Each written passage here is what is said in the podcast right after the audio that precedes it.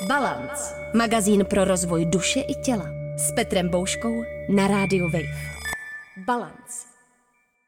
Po týdnu posloucháte podcast Balance na Radio Wave. Hezký den vám přeje Petr a vítám opět Elišku Remešovou, psycholožku a psychoterapeutku. Eliško, ahoj, vítej. Ahoj, hezký den všem. My jsme se minulý týden bavili na téma páry, vztahy a dovolená a jak si to užít. A dneska zůstaneme ve vztahovém tématu a budeme se bavit o penězích. Jakou roli mohou hrát peníze při utváření dynamiky a rovnováhy moci ve vztazích? Velkou a řekla bych, že mnohdy hodně podceňovanou. Využiju rovnou vlastně Esther Perel, která si pamatuju, že za covidu dělala workshop, který se jmenoval, byl to workshop pro odborníky a byl na jako tři nejtabuizovanější témata a to bylo jako sex, peníze a smrt.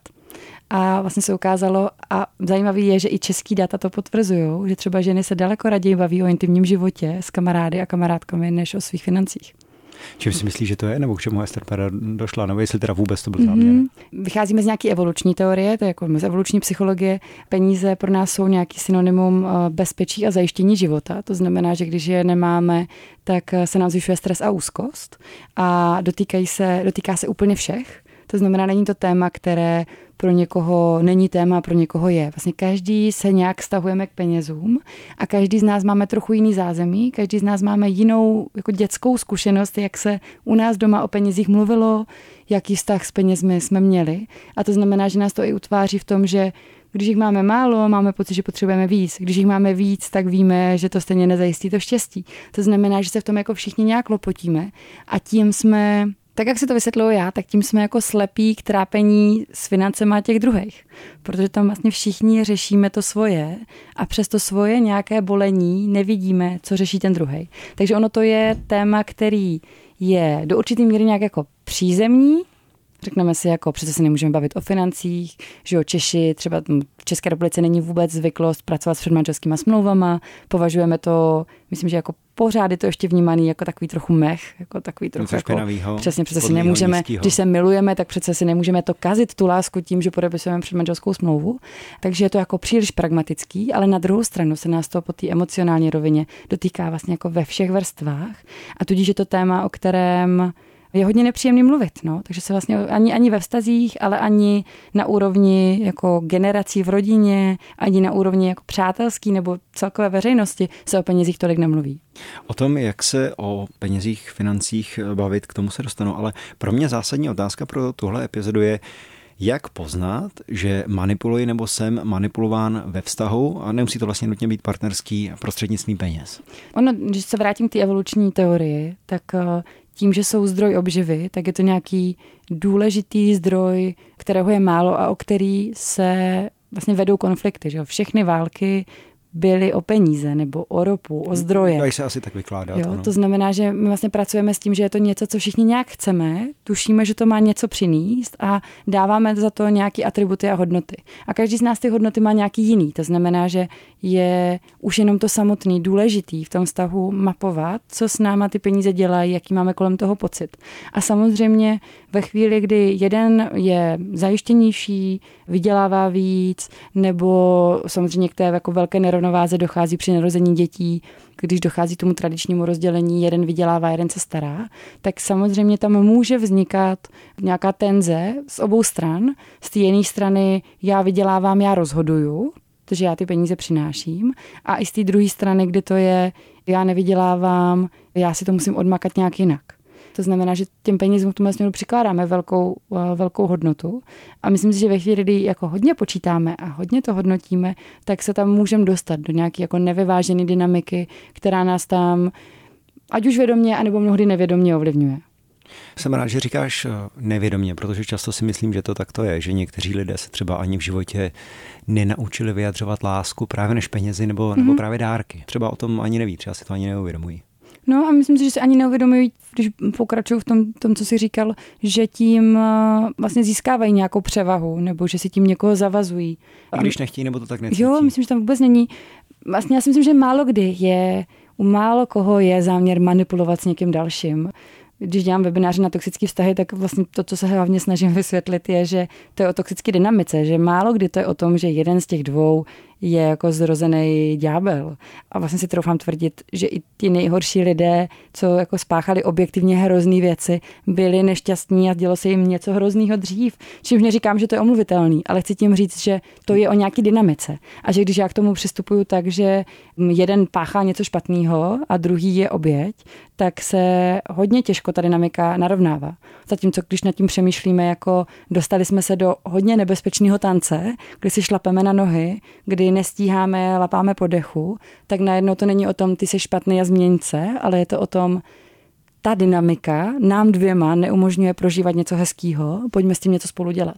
A najednou to jako osvětluje nebo očišťuje toho, toho jednoho, který by se tam a priori mohl začít jako bránit, stahovat se, být útočný eh, nebo defenzivní a tím vlastně znemožňovat nějaké zlepšení toho stahového prožívání pro oba. Dobře, je skvělé nehledat hned, a to neplatí jenom v párových konfliktech, nehledat hned tu vinu, vyníka nebo vinici. Mm-hmm. Ještě bych se na chviličku vrátil k té manipulaci. Mám tady dvě poznámky k tomu, že se někdy používají dárky, jako třeba omluva za něco, za nějaké mm-hmm. mé špatné chování, nebo jako nějaké vodítko, nějaké připoutání, že si někoho takzvaně kupují těmi dary. Mm-hmm. No a když se mnou už nebudeš, tak vlastně přijdeš nejenom o mě, ale přijdeš i tady ten šperk, auto, dovolenou a tak dále a tak dále.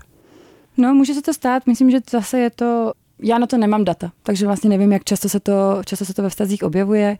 Myslím, že zase je to ale nějaká dohoda. Možná nevěřčená, ale zase je to o tom, že jeden to dělá a druhý to přijímá.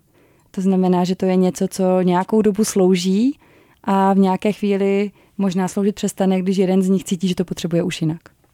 Jak a kdy myslíš, že je dobré ve vztazích, v párech téma financí otevřít a otvírat? Třeba se k němu i vracet? No, řekla bych, že ideálně hned na začátku, pravidelně v tom pokračovat a pokud už jsme v dlouhodobém vztahu a ještě jsme to neudělali, tak si myslím, že jako čím dřív, tím líp.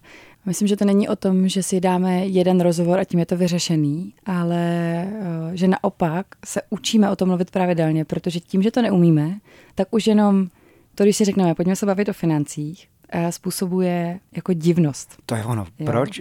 Jak se o tom vůbec začít bavit? No, já, já, já mám takový jako zvláštní sociální experiment, kdy jsme jako s kamarády na chalupě, uh, tak s jedním mým konkrétním kamarádem jsme si řekli, pojďme to zkusit otevřít, zkusme se jako nebavit o nominálních hodnotách, protože to už by lidi úplně jako sparalizovalo. Ale pojďme se povídat o tom, jak to máme nastavený, jak vlastně jaký máme vztah k penězům, jak to vzniklo u nás doma, s jakými větami jsme se naučili s financemi pracovat. Všichni se jako tam, že to byla jako skupina třicátníků a, a cítila jsem, že se vlastně jako potutelně smějeme všichni. Jo, jak je to pro nás vlastně těžký to brát vážně, že to je nějaký jako běžný téma, o kterém bychom se měli, měli bavit, ale naopak jsme se chovali vlastně stejně jako povrťáci, když se baví o tom sexu. A myslím, že už se jako v dospělosti o sexu bavit umíme, umíme říct, co potřebujeme, nebo hodně z nás už to umí a hledá cestu, jak to dělat.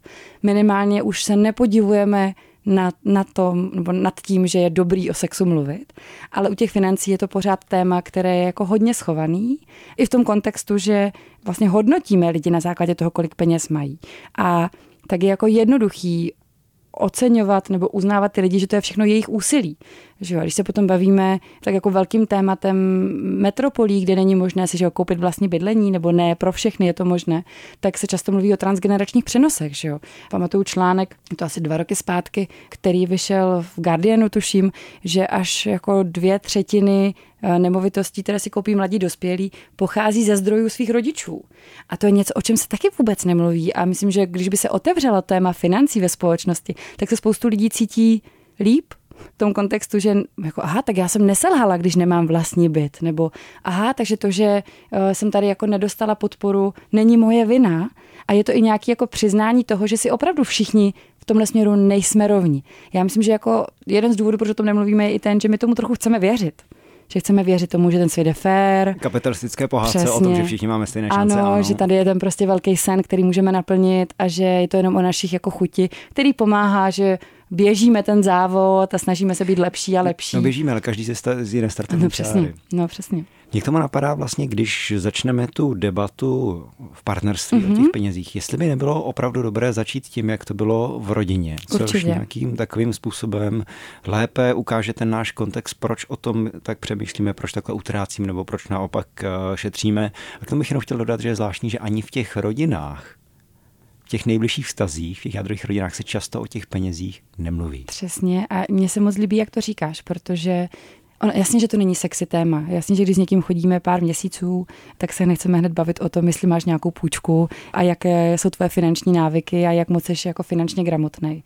Ale mně to přijde důležitý přesně z toho kontextu, že ono to potom v tom stavu hraje důležitou roli. Ono se to samozřejmě neprojevuje jako rozešli jsme se kvůli penězům, ale rozešli jsme se kvůli konfliktům a komunikaci a v ní ty peníze hrajou velkou roli. Mluvit o tom, z pohledu, odkud vycházíme, z pohledu té rodiny, toho rodinného zázemí, té naší zkušenosti, jak jsme si vlastně formovali náš vztah k penězům, je daleko méně konfrontační.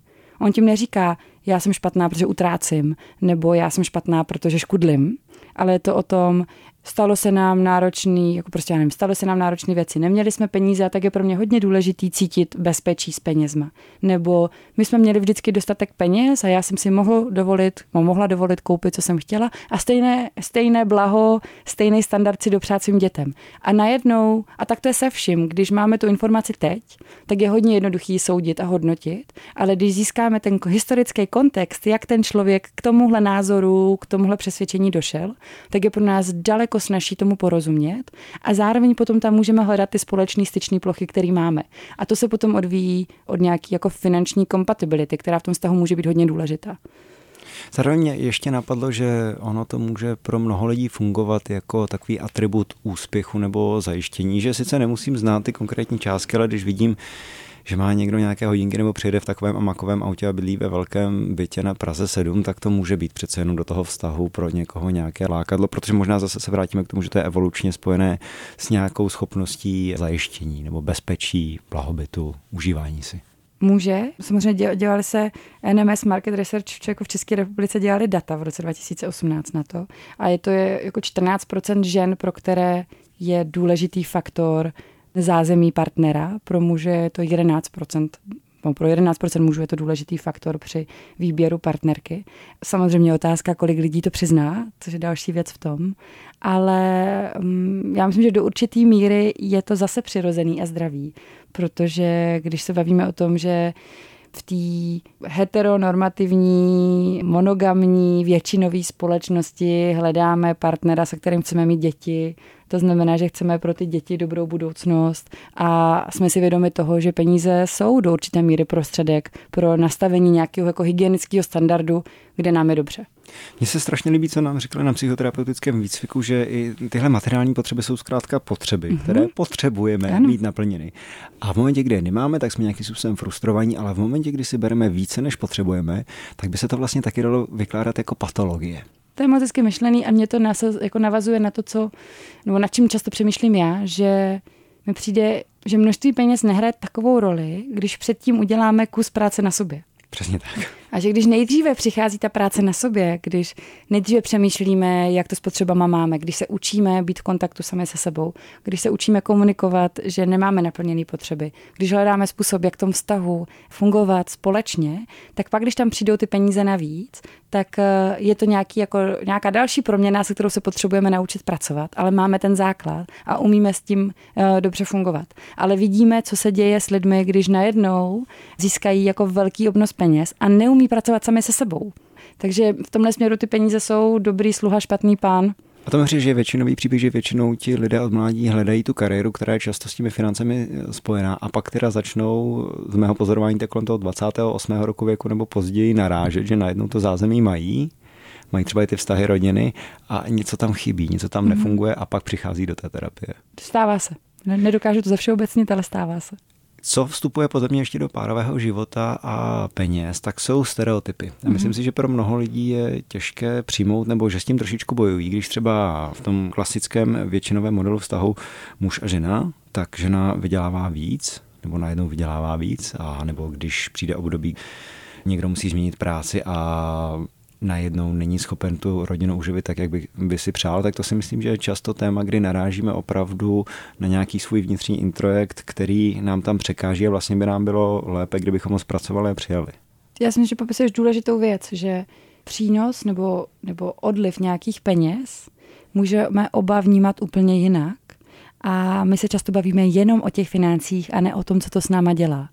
A když se na to díváme, že jo, čistě pragmaticky, racionálně, tak když eh, je někdo povýšený a je to v tomhle případě žena, která najednou začne vydělávat víc než ten muž a pro ně to znamená, že jim eh, přilije do rodinného rozpočtu se víc peněz, tak by to mělo být pro oba Super. Dobrá zpráva, protože můžou si dovolit víc věcí, nebo můžou víc spořit, taradara, spoustu věcí. Ale to, co se tam může dít, je úplně něco jiného. Může tam být pocit nedostatečnosti na jedné straně, že najednou jsem zahanben, že jsem najednou selhal, že nenaplňuju tu tradiční roli tak, jak je ve společnosti očekáváno. Nebo strach, že třeba odejde, protože najednou mě nebude potřebovat finančně. Přesně tak, takže nějaký ohrožení, eh, potenciální hrozba z opuštění, protože no to zase může být, aha, jak já se v tom teďka mám naučit komunikovat, jak já teda mohu teďka být třeba dominantnější nebo víc prosazovat svoje zájmy, protože mám tady větší podíl na tom finančním rozpočtu finančním budžetu, který máme k dispozici. To znamená, že ale taky naopak, taky se může objevit, že ten muž si řekne, wow, konečně to nemusím řešit, konečně to není jenom na mě. Vlastně spadá ze mě nějaká jako tíha, která na mě celou dobu vesela. Jo? To, že chci říct, že každý tok peněz, tak jak je to na tom účtu, každý ten transfer přináší úplně jinou sérii prožitků, pocitů, zkušeností, předpokladů a očekávání jak od sebe, tak od toho druhého. A o to důležitější mi přijde o těch věcech komunikovat. A to je něco, co jsme, co jsme zamluvili, ale mě to přijde důležité se k tomu vrátit, že ta pravidelnost, že o tom mluvím, mi pomáhá zjednodušovat tu náročnost. Že já, když se naučím, že každý měsíc se podíváme, jak jsme si finančně vedli, jaké jsme měli třeba nějaké mimořádné náklady, nebo že právě chceme jednat tu dovolenou, jak jsme se o tom bavili minulý týden a přemýšlíme, kdy pojedeme zase, kolik na to potřebujeme peněz, tak když se naučíme tyhle konverzace mít pravidelně a ne když je problém, ale protože to je součástí toho života, tak si zvyšujeme tu toleranci frustrační a potom, když se nějaký problém potenciálně objeví, tak my víme, jak o těch financích mluvit, protože to je pro nás nějaká norma. My si tím vlastně snižujeme ten blbej pocit z toho, že řešíme peníze. Říkám to po druhý, není to sexy pro mnoho lidí, ale myslím, že na čase jako předefinovat, co sexy je, protože, a to zase ukazují americké studie, že teďka jako generace eh, Z oceňuje a přijde jí atraktivní, když její eh, protějšek má eh, jako vypořádanou eh, finanční situaci, když má vysokou finanční gramotnost a dokonce nějaké jako impulzivní nákupy jsou v dnešní době u mladší generace považovány za jako varovný signál. To je zajímavý a je to dobrá zpráva a mm-hmm. zaznělo tam moc dobrých rad mi přijde. Ještě bych na chvíličku zůstal těch stereotypů, protože mi přijde, že je oblast, kde se jim úplně nelze vyhnout a to je materství, mm-hmm. protože když má žena dítě, tak přece jenom většinou aspoň po nějakou tu minimální dobu s ním zůstává ona doma sama. A to je doba, kdy se vypraví opravdu dovod téměř té absolutní závislosti a mm-hmm. předpokládám, že většina žen se chce a musí na toho partnera, partnery, partnerku spolehnout. No a ten, ten stereotyp tam je. Já jsem se v loňském roce účastnila takového jako kulatého stolu od Fondí, což je investiční společnost v České republice, která dělala průzkum právě na ženy Krom toho, že ženy teda pořád mají o pětinu nižší důchody, přesně i tady z toho důvodu, že vypadnou z toho pracovního procesu a, taky žijou průměrně o 6 let déle, to znamená jako ten v reálném čase to není o pětinu tím pádem, ale o hodně míň.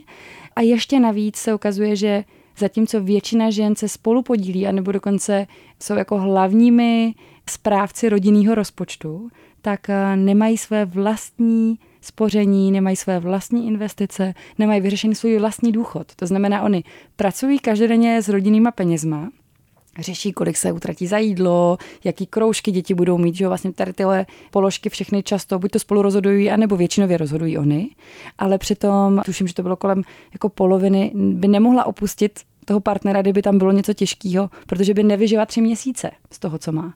To znamená, že potřebujeme v České republice podpořit ženy, aby mluvili o financích, přemýšleli o tom, jak se zabezpečí a aby hledali způsob, jak komunikovat, že jako péče o děti je stejně při nejmenším hodnotná jako vydělávání peněz. Setkal jsi se někdy s pojmem finanční nevěra, když některé výdaje tajíme, že se třeba bojíme nebo nechceme říkat vše, ale zároveň si říkám, že to může být prostor pro nějakou autonomii. Tady přidám takovou zkazku o mém milovaném dědečkovi, který měl v peněžence skovanou dvoustovku a my jsme na to přišli až po smrti, že před babičkou si takhle na pivo ulíval, ulíval aspoň ty dvě stovky. Tak ono se o tom takhle mluví a samozřejmě zase, když vychází z nějakých amerických výzkumů, tak říkají, že až 30 lidí dotazovaných se jako přiznalo, že v současném nebo předchozím vztahu tajilo nějakou finanční informaci. To, co se tají často, jsou nějaký dluhy, kor, ještě když jsou ty dluhy spojené s nějakou jako ne nedobře hodnocenou činností, to znamená s gamblingem, nějakou závislostí, tam je to často jako velký problém a tabu i v těch partnerských stazích.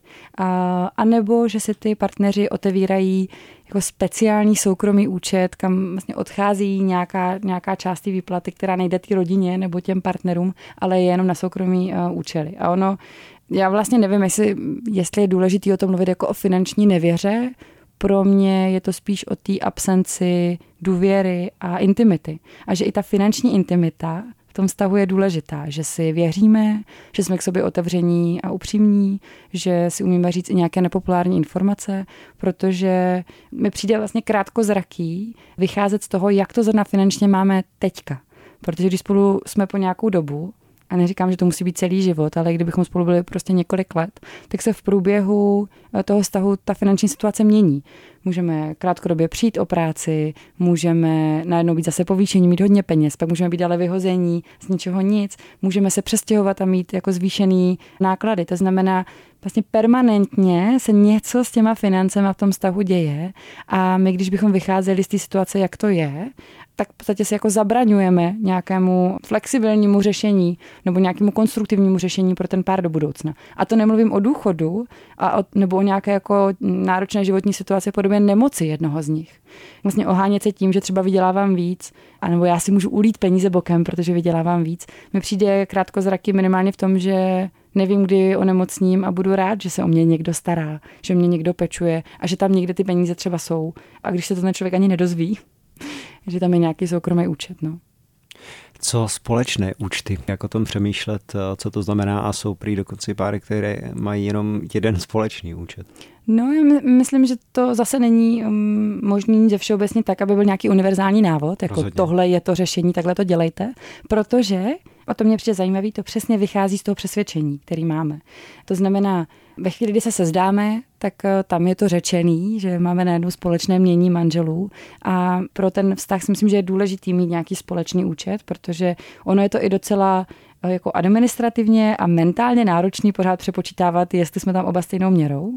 Zároveň je rozdíl to dělat spravedlivě a dělat to férově, kdy jako, když mluvíme o spravedlnosti, tak by to bylo, tak každý přispíváme, nevím, 15 tisíc, 30 tisíc, 50 tisíc do rozpočtu, prostě stejnou částku dáváme do nějakého společného rozpočtu. A to může být i poměrně podle výše platu, ne? No, ale přesně, každý vydělává jinak, takže ono je to spravedlivý, ale není to fér.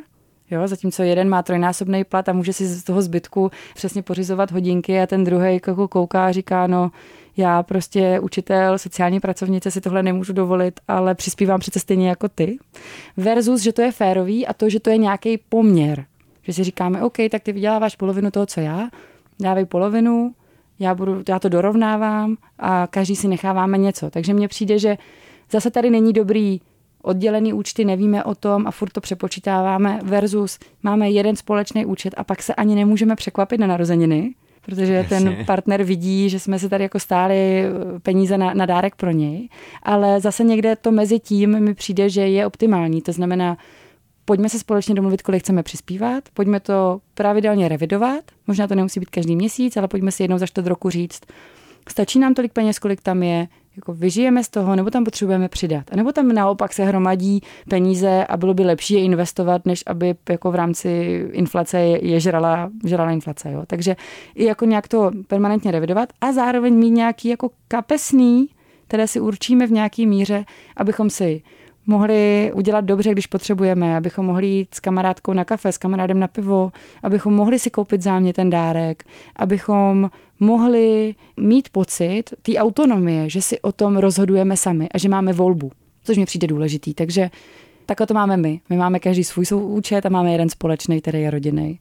A je to jako zase hodně administrace kolem bankovních účtů, ale zároveň to tak máme už vlastně hodně, hodně let a myslím, že nám to zatím vyhovuje. Kromě peněz teda nám tady dochází maličko čas, ale máme podle mě ještě spoustu zajímavých otázek, tak eh, snad to Liško všechno stihneme.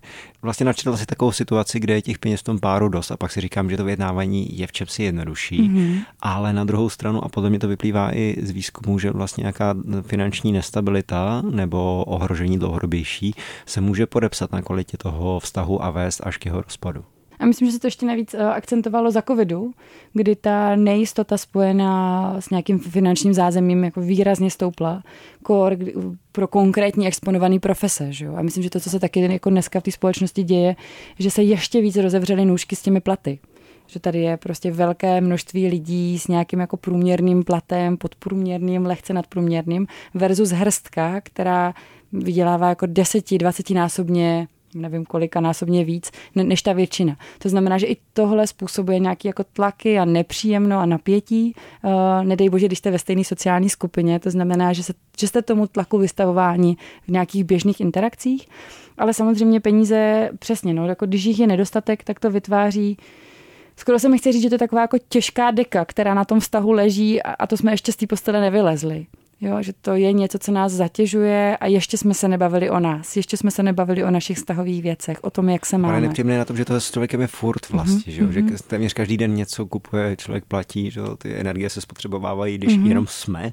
A zase jedna cesta je o tom nějakým způsobem mluvit společně, Každý z nás má jinou strategii, je spousta lidí, co o tom, co nemluví o ničem, že jo, radši se to nechávají pro sebe, ale kor tom vztahu, kdy je vlastně více lidí v tom systému, více lidí jsou závislí na nějakém rozhodování, a, tak mě přijde o to důležitější o těch věcech mluvit spolu, protože, a to zase ukazují výzkumy, že ve chvíli, kdy já můžu tu těžkou situaci alespoň trochu ovlivnit, nebo když mám pocit, že ji mohu ovlivnit, tak tu situaci snáším lépe, protože tam cítím tu autonomii.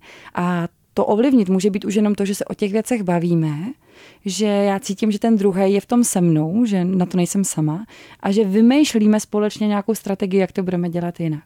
Pořád ve chvíli, kdy ty peníze máme, tak je to jako jednodušší, znatelně jednodušší, ale zároveň eh, tím nechci říct, že ve chvíli, kdy tam jsou, že to je jako v pohodě pořád si prostě myslím, že ty, ty finance eh, jsou téma. A, a zajímavý je, a to mě přišlo až jako zaskočující v rámci toho českého průzkumu z roku 2018, že čím víc peněz lidi mají, tím víc to vědějí o sobě.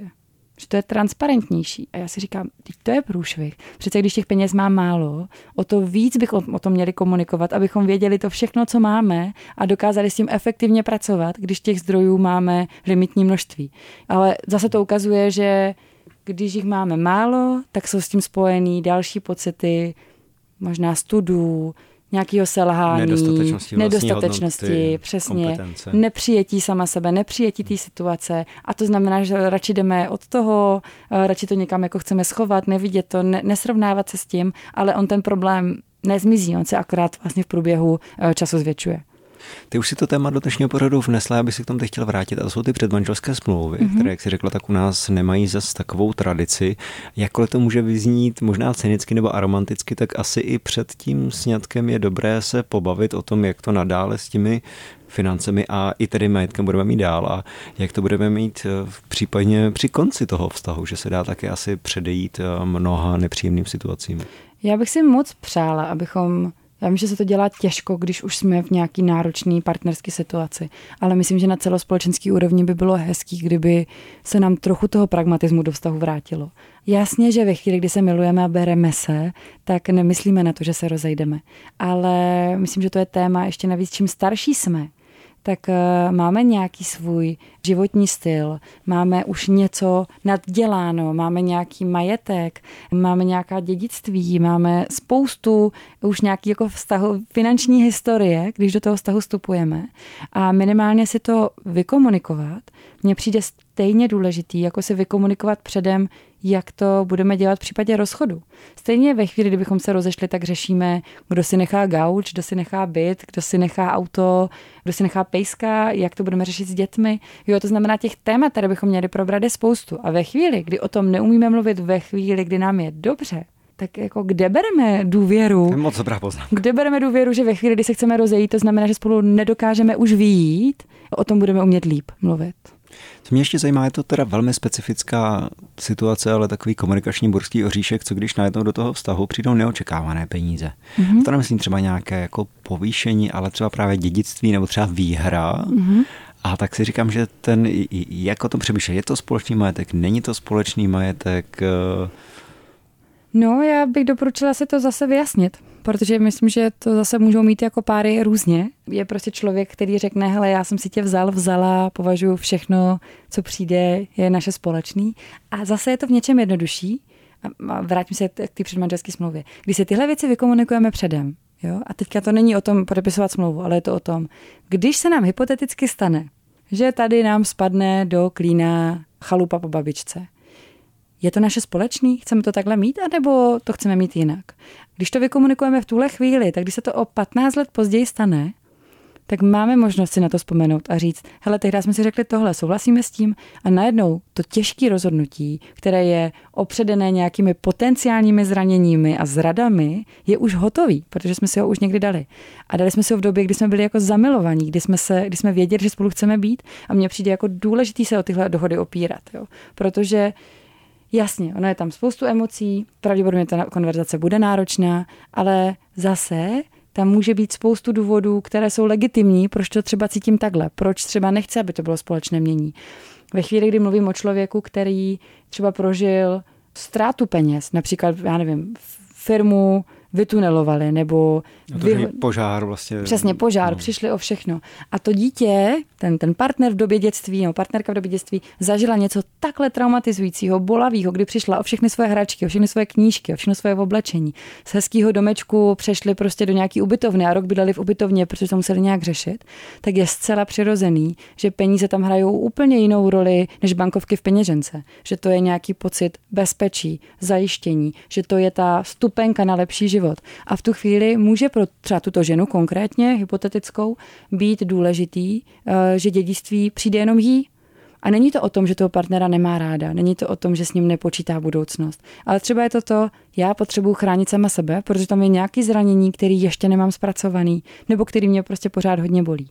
A myslím, že když bychom dokázali víc o té historii a o tom, jak se ta přesvědčení uh, vyutvářela v naší hlavě a v tom našem těle taky, tak by nám to pomohlo to brát méně osobně, víc hledat cesty, jak to spolu můžeme dělat. A tak je to o tom, že to nemusíme vyřešit jako na poprví tak to otevřem tu konverzaci a vrátíme se k tomu prostě zase za měsíc, kdy to nebude tak eh, možná na nějaký dovolený, to si můžeme otevřít, kdy budeme jako mít nějaký čerstvý, čerstvý pohled eh, a rozšířený možnosti. No. Takže bych řekla, Není to, peníze nejsou téma, které vyřešíme jednou a hotovo a máme krásný jako život, eh, Málo takových nepřízemní, témat ale naopak prostě je to důležité s tím neustále pracovat. Liško, na jednu věc jsem se tě chtěl zeptat a to je habituace právě na finanční situaci, zejména v párech, kde jeden vydělává třeba výrazně více mm-hmm. a ten druhý si tak nějak jako zvykne si o ty věci říká, nebo už ani pak neříká, používá tu společnou kreditku, ani to nezmiňuje, tak to si myslím, že to je právě tak jedno z témat, které by se